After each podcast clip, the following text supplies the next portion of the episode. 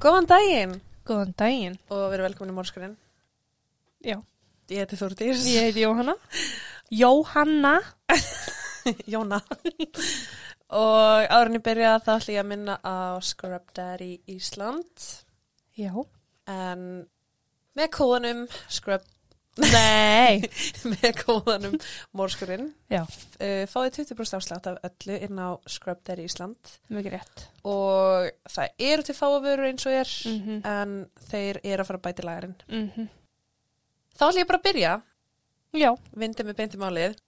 Herðu, uh, Giuseppe, Giuseppe Sinkve, Þetta var flott.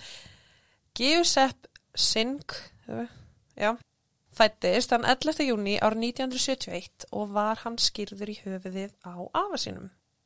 Hann var þekktur af vinum og fjölskyldu sem Joe og þannig ætla ég að tala um hann í dag. Ok. Þannig að þú varst Sem- að ströggla við að setja nafn til þess að kalla hann Joe. Já, sem Ok. betur fyrir samt. Fóreldrar hans voru Marja og Nino sem að voru bæði ítalskir innflytendur og var fjölskyldaður bara mjög náinn. Fjórum árum eftir að Joe fættist þá eignust þau annan son sem að fekk nafnið Anthony og þau byggu í Newcastle sem er um 160 km frá Sydney í Ástralíu. Ok. Og þú veist, þegar ég segja voru mjög náinn þá voru þau bara, þú veist, þau sátu saman og borðið kvöldmat hver einasta kvöldi, þú veist, saman. Já, já. Það var ekkert eitthvað, ég ætla að kási með vinunum, sko. Það er Nei. bara, nei, þú sest niður og spjalla við okkur. Mm Joe elskaði íþróttir og stundaði nánast allar þær íþróttir sem að hann gatt. Hann var í krikket, fótbalta og tennis og svo var hann líka mjög vel liðin í skólanum af bekkefélögum sínum og kennurum. Eftir mentaskóla fór hann í háskóla og var markvist að vinna að gráðu í byggingarverkfræði. Gott hjá hann. Jeps. Hann úskrifaðist úr háskólanum í nómber árið 94 þegar hann var 24 ára gamall og ákvaði kjölfarið að fara og ferðast um Evrópu í tvo mánu áður en hann kom aftur heim til fóreldra sinna. En þá fekk hann vinnu á verkfræðstofu í Newcastle sem að fadir hans og afi unnu einnig á. Ok, nice. Snemma árs árið 95 fór Joe út að skemmta sér eitt kvöldið með nokkru vinnum og hitti þar 22 ára hjúkurnafræðingin Anju og átti þau geggja kvöldstund saman. Hún var fætt þann 3. september á 92 á Indlandi og voru fóldrannar bæði læknar sem að fluttu til Sydney árið 1978 þegar hún var unga barn. Hún var mjög hamigsum sem barn en var að stríða við nokkur hegðuna vandamál og var líka með ykkur greiningar. Ok. Hún úrskrifaðist úr mentaskóla árið 1990 og flutti síðan til Canberra þar sem hún fór að læra hagfræði og lögfræði við Australian National University en þar hafði hún kynst gaurnafni Simon og þetta var áður hún kynntist Joe. Þau byrjuði að deyta árið 93 og á meðan þá var hún ólétt en fór í fóstarengu sem var mjög mikið áfall fyrir hana. Hún átti líka erfitt fyrir í Canberra þar sem hún saknaði Sydney og bara saknaði fjölskyldunar. Mm. Í kjölfara því leita hún mikið í fíknefni en frá 93 til 96 þá notaði hún kokain, ecstasy og meth sem að olli því að hún fekk ofskinjanir og átti í kjölfara erfitt með daglegar aðtapnir. Ok. Þannig að hún ákvað í raun að fresta háskólanáminu um eitt ár og fór aftur heim til Sydney. Og það var síðan árið 96 sem hún kynntist Joe en þau eruðu bara í raun ástókin á hverju öðru Ok. strax. Á þeim tímapunkti var hún þó enn í sambandi með Simon og um, ákvað samt bara að uh, vilja halda áfram að hitta Joe. Það var bara eitthvað við Joe sem að bara heitla hana. Þannig að hún var svona svolítið með Joe og hliðilínni í fjársambandi. Ok. En Simon komst að þessu og þau hættu saman. Mm. Hlutinir urðu mjög fljótt frekar alvarlegar á millið þeirra. Joe var virkilega hrifin hann og hann ringdi hann alltaf 15 sinum á dag. Þeir voru náttúrulega í fjársambandi, byggur sig ykkur í staðnum. Og ég ætla að fara að neyksla svo 15, ég held ég tala við sindar örgulega 15 sunni þegar nota sjó, sko. Hvern einasta förstu dag keirði hann svo frá Newcastle til Canberra til að eyða helginni með henni. En það var 5 tíma keirsla eða 450 kilometrar. Find a guy who does that for you. Aha. Jeps. Hann keiriði síðan aftur heima mándagsmotni og fór ofur snemma af stað þannig að hann kæmist í vinnuna kl. 9.30. Mm. Þannig að hann var að leggja stað bara um fjörum nóttina eða eitthvað. Jesus. En jú, var líka einhverjum vandræða með heilsuna sína á þessum tíma og leið bara virkilega illa. Joe var því bara um leið og hann var búinn að vinna fyrst þá fór hann úr vinninni, fór til hennar bara til að hugsa um hann og láta henni líða betur. Ok. Hann var bara mjög hrifin að henni og lagði sig allan fram í að sína henni það. En þau virtust eiga bara mjög hafmyggjusamt samband. Fóreldrar fannst hann þó hafa breyst nokkuð eftir að þau byrjuði að deyta. Hann virtist ekki vera hann sjálfur lengur og fannst, þeim fannst eins og hún væri raun bara stjórnunum svolítið. Mm. Í hver skipti sem að Anju var í kringum hann þá leiti hún samtalið áfram og hann einhvern veginn bara satan og saði ekkert. Og ef einhver spurði hans spurningu þá svolítið svona tók hún bara yfir samræðnar, byrjaði að svara spurningunni, byrjaði að kissa hann, tala ofan í hann og það var bara alltaf að gerast einhvern veginn. Ok. Svona svolítið eins og hann mætti ekki svara sjálfur. Mm. Fjölskyldan borðaði kvöldmat á hverju einasta kvöldi saman og þau gerðu alltaf klukkan 6. Eftir að Anju og Joe byrja að deyta að, að þá hverju einasta kvöldi stóð hann upp frá mataborinu til að svara símanum og hann í raun bara svona stóð upp og fór. Hann vildi ekki borða, hann vildi frekar tala í síman við Anju og fjölskyldinu fannst það bara mjög pyrrandi. Okay. Ok. Þetta var bara heilaðu tími fyrir þau. Já, já. Móðir hans bað hann oft um að byggja Anju um að ringja eftir mat og sagði bara hei þú veist getur ekki tala við hana setna en hún einhvern veginn líka bara ringdi alltaf ringdi alltaf á þeim tíma sem að maturinn var. Ok. Hún vissi alveg að þau sætist niður klukkan Já. 6 á borðu en það var þá sem hún vildi akkur tala við hann. Ok. Það var síðan í september á 96 sem að Joe flutti uh, til Canberra til að búa með kæristunni sinni. En þau flutti inn í fallega íbúð í um fjóra kílometra frá skólanum. Þau voru mjög spennt fyrir framtíðinni og höfðu meðal annars opnað sameilan bankareikning. Mm. Í nóvember lauk Anju námi sínu og þau eittu þremu vikum í Newcastle hjá fóruldrum Joe. Og Marja, hún lísti Anju bara sem fullkonum húsgesti en innst inni hafði hún einhverja tilfinningu fyrir því að það væri ekki alveg rétt að manneskjan fyrir svonsinn. Mm, ok. Joe var meðvitaður um barátt hennar með bara andlu heilsuna og stutti hana bara í öllu sem hún gerði. En þrátt fyrir það, þá náttúrulega var ekkert nóg að Joe væri bara til staðar. Það var eitthvað meira sem að þurfti, hún þurfti bara öðris aðstóð frá Já. læknum til að koma sér í gegnum þetta. Og árið 97 þá byrja hún að kvartundaverkjum og langvarandi þreytu og í kjölfari dró hún sig út úr félagsviðbyrðum og sótti sjaldan háskóla fyrirlestra. Hún sagði vinn sinum að það væri eitthvað að efnaskiptunum hennar og það væri búið að geta vöðvana hennar í burtu. Það væri Ok. sérst bara eitthvað að gera slíkamlega. Læknar gáttu hins vegar ekki fundin eitt aðtöfavert við heilsuna og töldu vandamál hennar vera frekar andlegt heldur en líkamlegt. En ég held í fram að það væri ekkert að henni andlega og held bara áfram að kvarta undan líkamlegum verkjum. Og það var meðlan eitt skipti sem að móðurinnar kom að henni þegar hún var brjálugun í herbygginu sinu og hún sagði að það einhver- það væri eitthvað að skríða undir húðin hennar og svo sagði hún að höfuð hennar væri fast við líka með einhvers annars. Já, sæl. Já.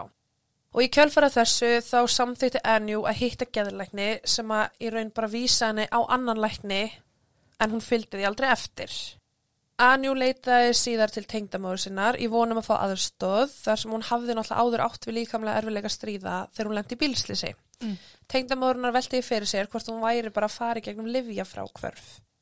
En nokkru mánuðum síðar taldi Anju sig hafa loksis fundið vandamálið. Hún sagði vinsinu frá því að hún væri smituð af alnæmi. Hún sagði síðan að það væri mjög ósækjant að Joe hafi ekki smitast og hún ætlaði að setja síktablóðu sitt á tampustan hans svo hann geti verið með henni í þessu. Þegar niðurstöður úr alnæmisprófunu skiluðu sér neikvæða tilbaka þá taldi Anju möguleika á að hún væri með taugagalla eða MS. Mm. Hún fór í styrst alltaf sjösunum á dag og sagði föður sinum bara að núna væri hún að deyja. Og móðurinnar hafði í samband kjölf Vá. Móðurinnar hafði í kjölfarið samband við geðheilbriðstild spítalans og reyndi að fá hana lagða inn til meðferðar.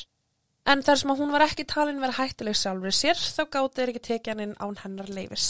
Var hann hættulega öðrum? E, mögulega. Anju kendi ástandinu sínu um liv sem að framkallaði sérst uppkörst og Djó hafði einu sinni minnst á það í einhverju spjallið þeirra milli um liv sem að fyrirsætur nota til að viðhalda þyngd sinni og hún var bara svolítið pyrr út í Djó fyrir að hann hafi kynnt hana fyrir þessu lifi. Ok. Í lokmæ árið 97 sagði hún við vinsinn að hún virkilega hataði Djó og hún vildi að hann myndi deyja. Næsta mánuð heimsótti hún landbókasafnið með vinkonu sinni, Matavi. Þar sá hún bók sem að skrifið var af Hemlock Society, bandarískum samtökum sem að beittu sér fyrir rétti einstaklings til þess að deyja. Bókin innihjálta upplýsingar um aðstóð við sjálfsvík og viðegandi löggjöf í kringum það. Þær ljósrituðu nokkra síður til að taka með sér heim og mánuðu síðar þá spurði hún vinsinn hvort að hann geti útveðið sér byssu þar sem að hún var með langvartu taugaskemmt og sagði hann frá því að hún vildi binda enda á lífsitt. Stuttu eftir það sagði hún bekkefylgum sínum frá því að hún væri veik og hún vildi bara deyja. Og hún sagði að hún hefði verið að kynna sér sjálfsvíks aðferðir og ákvaða skótsár væri æskilegt og bað bara vinið sínum aðstóð við að kaupa skótvopn. Bekkjasískinum hennar fannst eins og henni væri bara ekkert alvarlega og hún væri bara svolítið að Alvarlega? segja þetta. Já, hún væri bara að segja þetta fyrir aðtegli. Já, henni væri ekki alvara. Þú svo alvarlega. Alveg. henni væri ekki alvara Ok, ok. og hún væri í raun bara að segja þetta fyrir aðtegli. Já. uh, vinirinn að ráðlöginni að ofskamtur heroins væri mun betri leið til að deyja heldur en nótkunn skotvops og veit ekki akkur þær gerða en þær voru bara eitthvað þú veist, hei, gerðu þetta frekar. Þú veist, að ég, það, er, það var ekki að taka svo alvarlega. Nei, skriði. já, mjög. Anu ákvað í kjölfarið að selja fötir sín þar sem að hún taldi að hún myndi ekki þurfa þeim að halda. Og sérstaklega því hún fóröldur út úr húsi. Hún byrjaði líka að gefa geisladiskana sína þar sem hún hlusti ekki lengur á tónlist. En fóröldrana reyndu enn og aftur að fá hún á lagðin á spítala og það bara gekk ekkert eftir, þú veist sísli maður þurfti að samþykja þessu umsókn og fara yfir hana og það tók bara langa tíma Já. og í rauninni bara til að svifta hana að forræði, sjálfræði Já. svift hann á sjálfræði til þess að fá hann að læða inn. Já, já, já, ok. Þeir, veist, það voru allir að taka eftir hvað var að gerast hjá henni. Það var eitthvað mikið að, Mm. en hún bara vildi ekki neina aðstöð. Það var svo í loka ágúst ár 97 sem að Anu spurðist fyrir um á háskólasvæðinu eftir heroinni. Þekktur fíknefnasali á svæðinu útskýri fyrir henni að of stór skamtur myndi valda því að öndun myndi stoppa og viðkomandi myndi deyja sársökuleysum dauða innan nokkra mínútna. Hann taldi að 150 dólara virði af heroinni myndi næja til þess að taka of stóran skamt. Um viku síðar ringdi Anu í hann og vildi kaupa hálft grama heroinni. Hún mætti til hans með vinkonu sinni Matavi skömmu síðar og borgaði 250 dólara fyrir það. Svo því hún var næstu að kaupa tvöfaldan skamt við það sem að hann ráðlaði henni. Þeim var sínt hvernig þær áttu að skjóta heroinnið og voru báðar sprautar í fyrst skipti á staðnum. Ok. Mánuðu síðar reyndu þær að gera þetta á eigin spýtur en fundu ekki réttu æðarnar og báði kjölfari vinsinum að hjálpa sér með þetta. Þriðdægin 23. september mætti Anju til háskólaráðgjafa til að ræða samband hennar við Joe en hún sagði að þau tvö væri að beita hvort öðru munnlegu og líkamlegu ofbeldi og að hún vildi slíta sambandinu en gata ekki þar sem að sjúkdóms ástand hennar þýtti að hún var fjárhagslega og tilfinningilega háð honum. Mm. Vikum síðar keiftur meira heroinn og fíknefna salinn spurði hana hvort hún ætlaði að binda enda á lífsitt. Hún sagði já en vildi ekki segja með hverjum hún hefði gert sjálfsvíks sáttmála með. Sunnudaginn 19. oktober heimsóti Joe fóreldra sinna í Newcastle og sagði þeim að hann og Anju ætluði að halda matabóð kvöldið eftir, eða sem sagt mánudaginn 20. oktober. Ok. Hann spurði hvort móður hans væri með eitthvað mattilbúin sem að hann geti borið fram fyrir gestina og hún sagðist geta elda eitthvað fyrir hann. Hann sagði henni síðan að hafa ekki ágjör af því og að hann ætlaði bara að sækja eitthvað greinlegan kjúkling til að bera fram. Það var ekkert það merkilegur matur, Mm. matabóð. Já. Mánudaginn 20. oktober mættu síðan Matavi og vinur hennar sem að mætti með aðra vinkonu, Olivia, en hún hafði aldrei hitt Jó nýja Anu áður. Fyrir kvöldmatinn þá síndi Olivia nálarfar í handlegnum sínum og útskýri fyrir þeim að Anu hafi verið að sprauta hana með heroinni til þess að æfa sig fyrir sjálfsvíðanar. Hún sagði að þessi kvöldmatur væri í raun kveðjupartí, þar sem að Anu ætlaði að binda enda á líf sitt og líf Joe þetta kvöldið. Ok. Þegar að þær komið þangað þá höfðu þær útbúið meiri mat en nöðsynlegt var fyrir þennan litla hópa gestum. Þau sögðu því Matavi og Olivia að banka upp á hjá öðrum háskólanemum og aðtöku hvort einhver vildi koma að það var svo mikið af mat. Komið bara á borðið og Já. nýtið þetta. Þá hafði orðrómur um partíi borist út um að þau ætlaði að binda enda á lífsitt og nefndur voru bara orðin svolítið forvitnir að vera viðstættir þessa aðtöfn. Anu var mjög ástúðleg í garð kærasta síns og það leiti ekkit út fyrir það að hún ætlaði sér að fremja sjálfsvík um kvöldið uh, sem að leiti til þess að hópurinn var bara eitthvað, ok, er þetta eitthvað djók? Já. Er það fokkið okkur? Veislan endaði síðan án atvika og Matavi kerði nokkra gestana heim og sagði þeim að þessi áhullin myndi eiga sér stað uh, síðar, meir. Fólkið sem hafði verið á staðnum spurði hvort það ætti að óska eftir aðstof lögreglu en Matavi skipaði þeim að gera ekki neitt. Og það voru allir svolítið svona, ok, er þetta satt, er þetta ekki og ákveðu bara að blanda sér ekkert í málið. Mm. Á meðan hafði Anu uh, bröðið, réttu mér, Brugðið. Nei, svona bryðja, Já, bryðjað, brúðið. nokkrar, já, hún hafði allan gert það við nokkrar róandi töflur og sett út í drikkina stjó sem að var til þess að hann náttúrulega bara sopnaði. Milja. Já, Muldi. muldi, Já. já. Hún sótti síðan tilbúna sprautu full af heroinni og reynda sprautaði í hann og barðist við að finna réttu æðina. En bara vökun storknaði og í raun eðilaðist vegna þess að þetta var bara, tók alltaf langa tíma. Ok. Vissi ekki að það gerðist en við vitum það núna. Já. Joe vaknaði daginn eftir og fór í vinnuna alveg ómeðvitaður um það sem að Anu hafði reynd að gera við hann kvöldi áður. Shit. Anu hafði samband við Matavi og sagði henni bara hvað hún hefði gert. Og daginn eftir þetta matabóð þá hafði Matavi verið að taka lögfræðipróf og hún hafði sagt einhverju fólki eða starfsmönnum þar að eitthvað mjög alvarlegt hafi gerst kvöldi áður og að lokum ákváðan að segja lögreglunni hvað þið gerst. Anu hafði sérst notað róhypnól sem er róandilif og það er tíu sem öflura heldur en valjum og því lifi er oft ávisað til að sigrast á heroinfík Já. og hún átti einhver vandræði með að fá þessar töflur vegna þess að hún var náttúrulega, Með heroin. Fík. já, en samhliða heroins, samhliða heroini þá þarf ég bara eina töflu til að gera mann meðdundarlösan. Shit. Já, Þetta er líka notað sem uh, reipdrögg. jeps. En án vitundar Joe þá skipilaði Anju annað kvöld vera bóð förstu daginn 24. oktober þar sem hún sagði gestum enn og aftur að nú væri komið að kveðju partíinu. Þegar koma deginum uh, þá sneri Joe heim úr vinnunni og fann fullt af fólki heima á sér. Uh, hann virtist mjög hissa, hann vissi náttúrulega ekki af þessu, en hann var mjög góð geskjafi og tók á móti öllum og talaði spenntur við fólk um nýja bíli sinn og væntanlegar áætlanir hans að fara til Holiday í Queensland. Ok.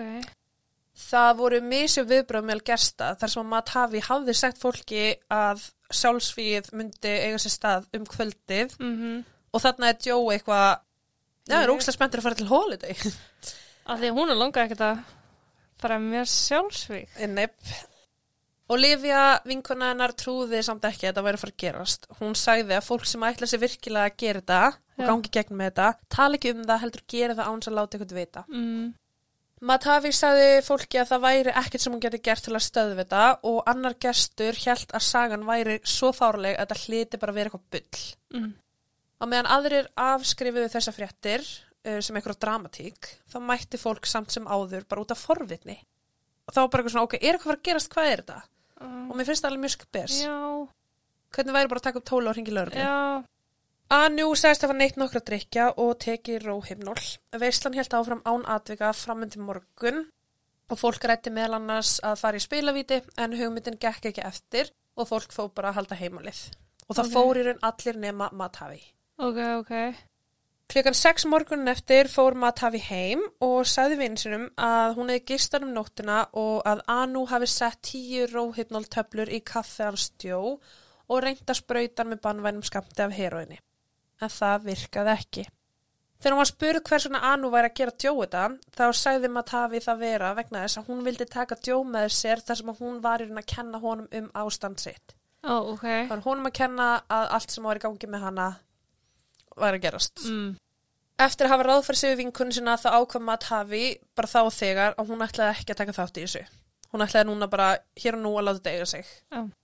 Þegar dagur held áfram og fréttir af þrálátri tilraun til að drepa Joe breyttist út í vinópin, þá endaði eitt vinur á að hafa samband við lauruglu, en Anjú frétti það og hafði samband við hennar vin og bara fullvissan um að hún myndi aldrei gera neitt til að skada Joe. Mm. Anu var nefnilega mjög dramatísk og margir vinurinnar þekktu þessar stórkostlegu sögurinnar um veikindi og allt þetta. En hún hafði raun aldrei gangið í gegnum, hún hafði raun aldrei gengið í gegnum uh, með neitt sjálfskaða og Mm. þess vegna var fólk að trúi þessu. Já, ég skilji, ok. og, og hún viðkendi kjölfari fyrir þeim að hún hafi gefið Joe róhypnól töflur en sagði að það hafi bara verið til þess að hann myndi vera sofandi á meðan hún myndi binda enda á sitt eigið líf. Þannig að hann myndi ekki koma að henni. Mm. Hún sannfærði allir að Joe væri ekki neitt hættu og hún ætlaði svoleiðis að segja honum frá þessu um kvöldið. Klukkan 22.19 þetta kvöld ringdi Anu í vinsinn sem hafði mætt í kvöldvarabóðið. Hann var meðdaður um þessar áallarinnar og taldi hann að bara vera sækst eftir aðtegli. Símsvarn hans tók upp hluta samtals þeirra þar sem Anu spurði hversu stert róhypnól væri og hún útskýrði að Joe hefði sofið í um, um það byrj 15 tíma samfleitt og hann ætti erfitt með að halda augunum opnum. Hún hafði áhyggjur af því sem hún hafði gert en vinurinn að fullvisaði hana um að hún hafði ekki valdin einu langtíma tjóni. Ok. Joe tók síman af kæristun sinni á þessum tímpunkti og sagði hæfi hennar vin og hann sagði bara að hugur hans væri 100% starfrækur en líka manns væri mjög þreyttur og var bara eitthvað ást Sæði Joe. Já, og Ok. hann bara eitthvað ást ég get tala, ég veit alveg hvað ég er að gera en ég er bara, það er eitthvað þú veist gangi en ég veit ekki hvað er. Ok. Stuttu eftir minnati heyrði Anju í öðrum vin og spurði hvort það væri möguleiki á að skjóta heroinni í fæturnar og aftan í, í handleikin. Mm. Hvort að það væri eins og, Já, já. þú veist, hvort það væri sama virkni. Morgunin eftir þetta, uh, sunnudaginn 27. oktober, heimsótti Anju Matavi vinkonu sína. Hún kom til hennar og sagði henni að Joe anda ekki og að hún þurfti peninga til þess að kaupa meira heroin til að binda enda á sitt eigið líf. Þær ógu í hraðbunga þar sem Matavi tók út 250 dólara og Anju fór síðan og kefti gram af heroinni. Milli 9.13 og 9.40 morgunin ringdi Anju í Matavi nokkru sinnum en Matavi saði hann að láta sig í friði. Þú veist, hún var bara, ég vil ekki vera nálægt þessu, ég vil ekki Mhm. kom, þú veist. En að lokum ákváðun að fara og sækja Anju. Um það byrj tveimu tímum síðar heimsótti Matavi vinsinn og tilkynnti honum að eftir að Joe vaknaði af róhypnólinu þá hafa hann sagt að hann ætlaði að fara frá Anju. Matavi útskýri fyrir honum tilraunanar til þess að drepa hann með heroinni þar sem hún hafði í raun sprautan með því.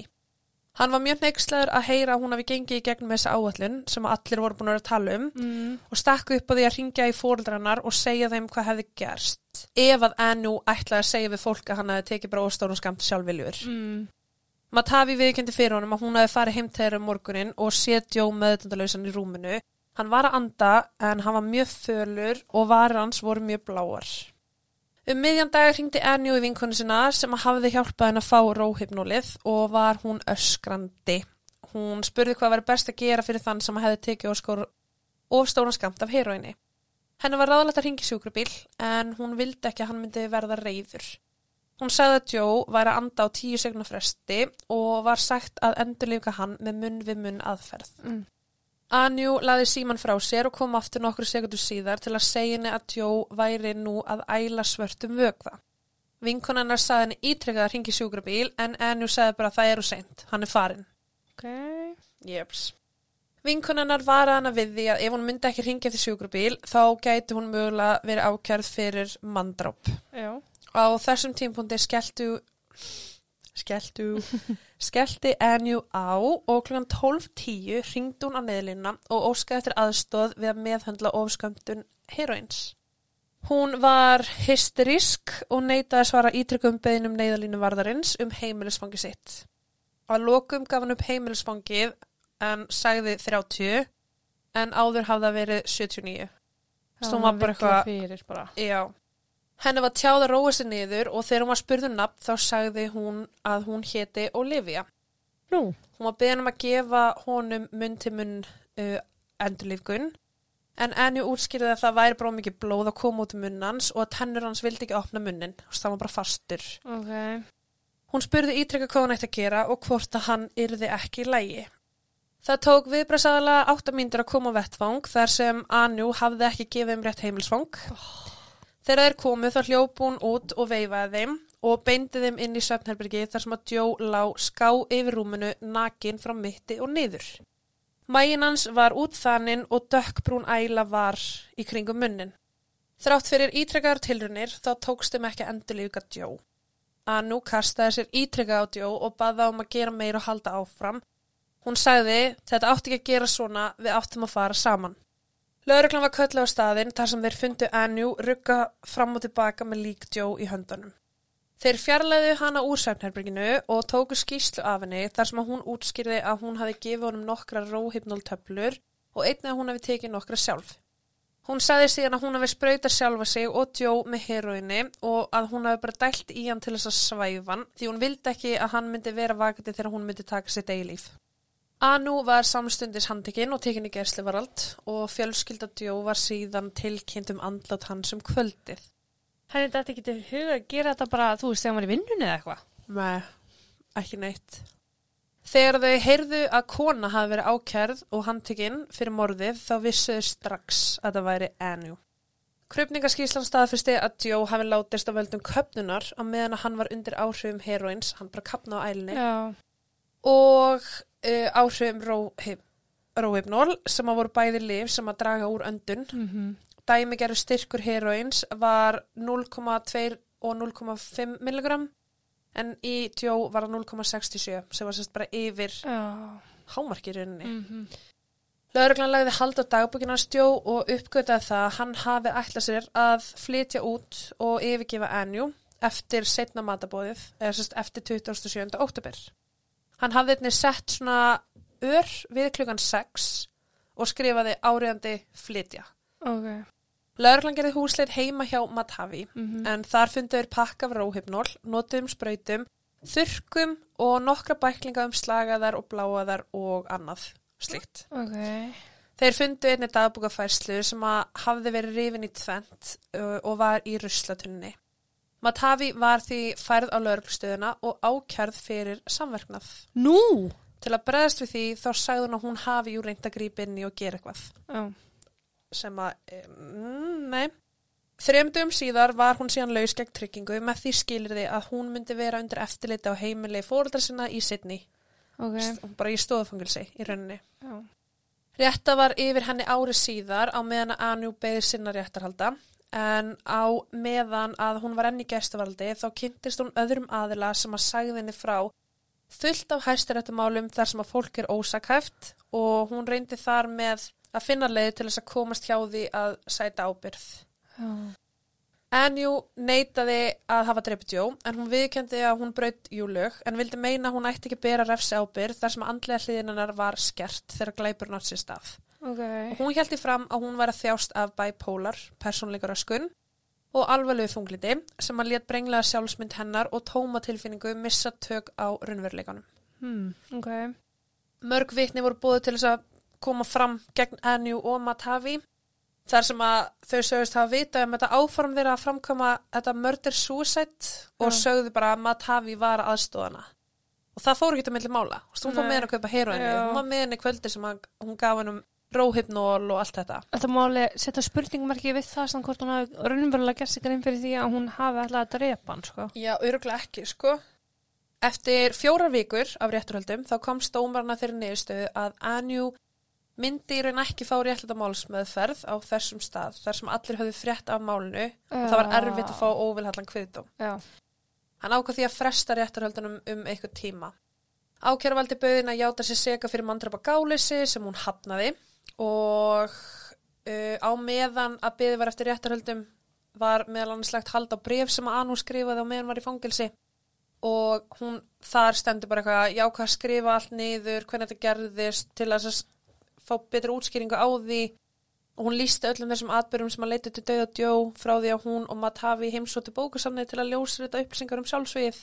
Og hún sagði að í upphafi haf hún ætlað að binda enda sitt í líf en eftir að hafa lesið sögur um maka sem að mistu makan sinn Já. sem að gifta sig á ný þá hugsa hún strax, ok, ég vil ekki djó haldi áfram ég vil taka hann með mér Já. Hún skrifaði einnig að hún var ekki viss hvort hún hefði átt að ringja eftir aðstóð eða ekki þegar hún fann Djó. En Matavi hafði sagt henni að ef hún myndi ringja eftir aðstóð, þá myndi Djó endaði yfirgefa hana og láta henni inn á stofnun. Ok, já. En þetta er svona svolítið smita af kannski ykkur öðru. Í öðru brefi sem var stíla á móðurinnar þá talaði, um að, talaði hún um að Djó hafi verið dásalegur og góðu maður sem að elska hana og að hún hefði eigðilegt fullkomna líf sitt. Hún sagði í raun að allir væri betur settir ef hún væri bara dáin líka en vegna heimsku og eigingirni þá er hún enn hér í dag. Hún sagði samt sem áður að líf sitt væri búið. Hún kaus rangan valkost og eðilaði líf margra og hún vildi óska þess að hún væri dauð en ekki djó. Dáin. Takk. Ný réttaröld hófust mándaginn 20. mars árið 99 en að þessu sinni var engin kviðdómur til staðar heldur einingis dómari. Okay. Það var bara ekkert hægt að finna Nei. kviðdóm. Réttar sálfrængur kom meðal annars fram og bar vittni um að Anju væri að þjást af alvarlegu þunglindi og persónleika röskun og hefði verið að gera það frá úlingsárum og væri bara först í einhverjum óraunverulegum heimi þar sem hún hjælt að hún myndi deyja úr hrörnunar sjúkdómi. Ok. Greining hans var styrt af öðrum prófessor í réttarsálfræði sem sagði bara nákvæmlega sama og þá að tala um að hún hafði þegi meðferð og talaði að andlega ástandina myndi batna verulega við það, Mm. sérst eftir hún var já. Bara ef hún fær meðferð við þessu þá er hún að fara að geta að lifa í samfélagi Ok. á ný. Þeir mælti með því að Anu myndi ekki fá fangelsisrefsingu heldur að hún myndi vera lögðin á sjúkrós í alltaf sex mánu til að gangast undir geðransók og eftir það myndi fylgja fimm ára lifja meðferð og sjö ára sálfræð meðferð. En ákæravaldi var bara uh, þokk nei, uh, hún var fullkomlega fær um að taka þessa ákvörun en það var ekki skynda ákvörun sem var tekin á einu kvöldi Mm. heldur yfir langt tímabil Já. og mjög vel planað. Mm Og þeir sögðu líka bara, einni var hún að villa fyrir um eftir að hún hringd á neðalina að hún vildi ekki gefa upp heimilsfangi. Já. Þannig að hún, var ekki, hún sá ekki eins og af sér. Ásetningurinn er bara fyllilega til staðar. Já, uh, þeir sögðu bara, hún horfði á Joe degja hægt og rólega á hans að gera eitthvað í því og vissi vel hverja aflengunar voru Já, því hún hafði jú líka hringt í vinkunni sína og sagt henni Joe er að deyja. já. Vikni komið fram og sögðust bara ekki hafa trúið því þegar hún talaði um að hún vildi bin- binda enda á líf sitt Mm. en það var mjög raunveruleika fyrt og var svolítið mikið úlfur úlfur. Ok, já. Málflutningur ákjöruvelsins var síðan stuttur á sálfrængi sem að komst að þeirri niðurstöðu að það væri jú skortur á þroska sem að liti til þess hún myrti djó og það hafi í raun á einhvern hátt skert hæfniðnar til að takast á við flókna tilfinningar og leysa vandamál með skynsölum hætti en þetta var samt allt skipulagt mjög vel, mjög vandlega og hún var ekki ósaghæf. Réttamennafræðingur kom fram og sagðist ekki vera viss hversu oft hún hefði gefið djó heroin þar sem að magn hans var svo hátt að það gæti alltaf eins að komið frá einu skamti eða uppsöfnum minni skamtum. Já. En hann taldi líklegt að Joe hafi fengið sprautum klokkan þrjú aðfara nátt sunnudagsins 27. oktober og síðan aftur um 8 tímum síðar. Já, ok. Já, þannig að hún var sprautað klokkan þrjú um nóttina, Já. svo um morgunin hafa hann verið með rænu Já, og þá var hann sprautað hann aftur. ok. Það er náttúrulega bara ásetningur og ekkert annað. Þú getur ekki sko með afsökun fyrir að þú sett full eða eitthvað sko. Anu var að lokum dæmd saklaus fyrir morð af ásetningi en seg fyrir morð af gálisi. Jésús. Hún var dæmd í tíu ára fangelsi með fjögur ára skilorð og, og það var talið frá dauðadjó sem að þýtti að hún gæti verið laus eftir um tvö ár frá uppkvæningu dómsins sem er náttúrulega bara ekkert réttlæti fyrir Mm, Nei. fjölskylduna. Mikill vafi var á því hversu mikið geðursjúkdómur hennar hafði áhrif á gjörðurinnar og margir voru þeirri skoðun að hún hefði hlotið mun þingri dóm ef að kviðdómur hefði verið með í spilinu. Já, klála. Já. Réttarhöldin yfir Matavi hófust síðan sex bánuðum síðar eða förstæðin 10. desember á 99. Hún neitaði sög og ákjörvaldi skýrði frá því að þeir teldu ekki að hún hefði drepið Jó, heldur að hún bæri refsi ábyrð fyrir að hafa orðið, fyrir að hafa verið með í orði eða verki Já. og hún hafi í kjölfari stutt að nú að ganga í gegn með áform sín. Hún alltaf gerði það, þú hafi kannski verið svolítið ómeðvitað. Já og þetta er, þú veist, þetta er svona svolítið eins og með þarna, nú mann ég hvað hann heitir, stelpuna sem að sendi skilabóð á kæra sinn drefti. Já, já, já. Hann fór og gerði það og hún var, Já, af því að þú ert að hvetja ykkur í orðið eða verki til að Mhm. gera eitthvað, til að fremja eitthvað. já. Sem veldur skafa. Já. Og þarna fæst það líka fyllilega sannað. Þá er bara, Uh Og sko, Matavi vissi náttúrulega þetta plan og hún gerði aldrei neitt til að koma í veg fyrir það. Hún bara Nei. kúplaði þessu út á okkur tímpandi. já. Og ákjæruvaldi taldi að hún hafi verið viðstöð þegar Anu setti róhypnól í drikkin hans og að þær hafi verið saman þegar Anu gaf honum fyrstu sprautuna af heroinnu. Verjandi hennar sagði að það væri ekki hægt að dæma hana fyrir þann part, en það er ekki vita hvort sáskamtur hafi verið þessi bannvæni skamtur eða ekki. Nei. Og það var kljóðan þrjú um nóttina. Fjölmarkir báru vitnum það að hún hafi lagt þarfir vinkonu sinnar fram yfir sína eigin og að hún hafi gert allt til þess að þóknast henni. Hún gætt heldur ekki borða það fyrir sig að hafa ekki trúa því hvað Anu ætlaði raunverulega að gera. Þar sem hún hafði jú sagt bekkerfélum sínum að hún ætti vinkunu sem var með sjálfsvíks hugsanir. Matavi sagðist eiga systur sem var með föllun og að hún gæti ekki fyrirgefi sjálfur sér það ef hún myndi yfirgefa Anu þar sem hún var með hörnunar sjúkdóm. Þannig að hún er reyna að segja, ég veit hvernig það er þegar einhver er að þjást Ah. og ég vil vera til staðar, þess að vildi ég vera til staðar fyrir Anu.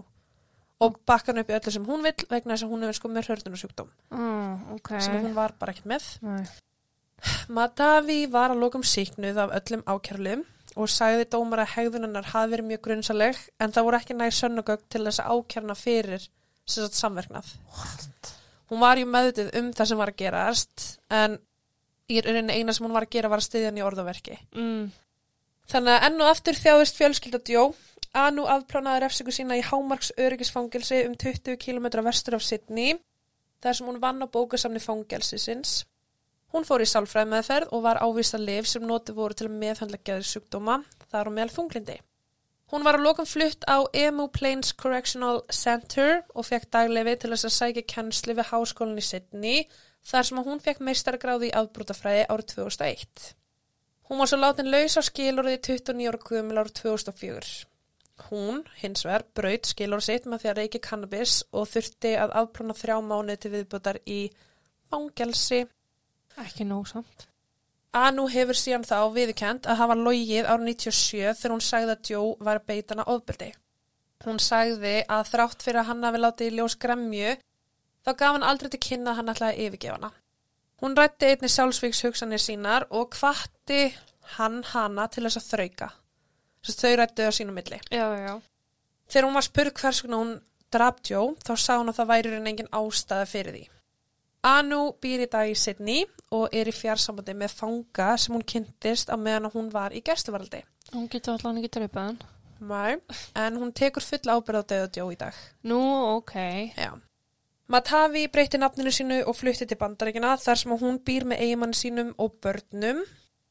Og já, þannig fór það. Jesus.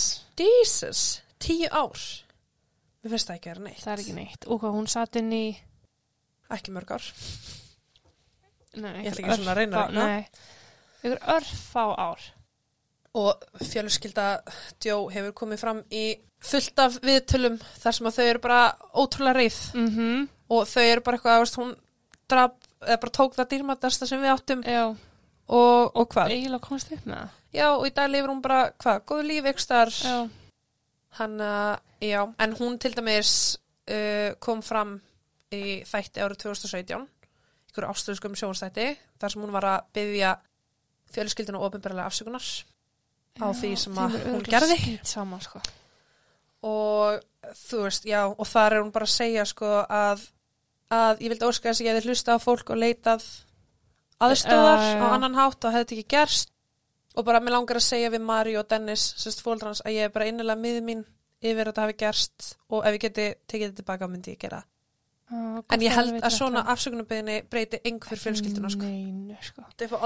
Líka tilbaka. því að það er ekki þurft að sitja inni allt sitt líf, sko. Hún slapp bara sjúklega vel. Sko. 30 ára lámark sko. Já. Og svo núna fær hún bara 29 ára þegar hún losnar. Já. Við erum að vera 29 ára, sko. Emmett. Og við erum allt eftir. Mm -hmm. Svo maður er eiginlega bara ennþá krakki 29 ára. Hún var líka bara, þú veist, pældi, hún, hún var bara búin að plana kveðjuparti. Já. Hún var, og þú veist, ekki eins og kveðjuparti, hún var ekki svona að gefa djó færa og kveðja af sína Nei. vinni. Heldur hún beði bara sínum eigin vinnum í kveðjuparti hans djó, án þess að djó vissi. Já. Og- En líka, sko, þetta einhvern veginn að vilja ekki fá svona marga þætti ekki ástæði til að að þetta væri með kveðjuparti en ekki vennilegt partí. Það er svo mikil úthugsun að það, þú veist, hún Uh-huh. er búin að hugsa þetta alveg fram og aftur örgulega. Ó, já. Og eins og að í rauninni eitra fyrir honum með því að þú veist að sprautan skilur. Uh -huh. Það er mjög típist fyrir. Já, líka bara að því að hún byrjaði að náði að vera leitsir ekkur byssu, Já. fekk síðan þær upplýsingar að heroinum væri betra. Já, og sækist á eftir því. Þannig að hún er í tvígang búin að sækist eftir einhver sem kemur til með að verða einhver maður bana. Já. Og ef að planið upprunlega var að taka djó til að taka sitt eigilíf líka, Já, akkur ringd hún þá á neil, akkur, akkur gerði hún ekki, eða þú veist, akkur, eða skilur við, Já. hún byrjaði að taka hann Uh og þú veist, ég held að upprænlega planið hef aldrei Nú verið að er taka sér hún degilíf. makin sem að er Að halda að áfram. halda áfram. Já, þú veist. eitthvað sem hún vildi ekki að Joe myndi gera. Þetta er svo bjónalegt. Þú veist, Algjörlega, það sko. er bara, Þannig að já, herðu, ég ætla bara að segja þetta gott í dag já, og ég segi takk og bless. það er næst. Það til næst. Takk og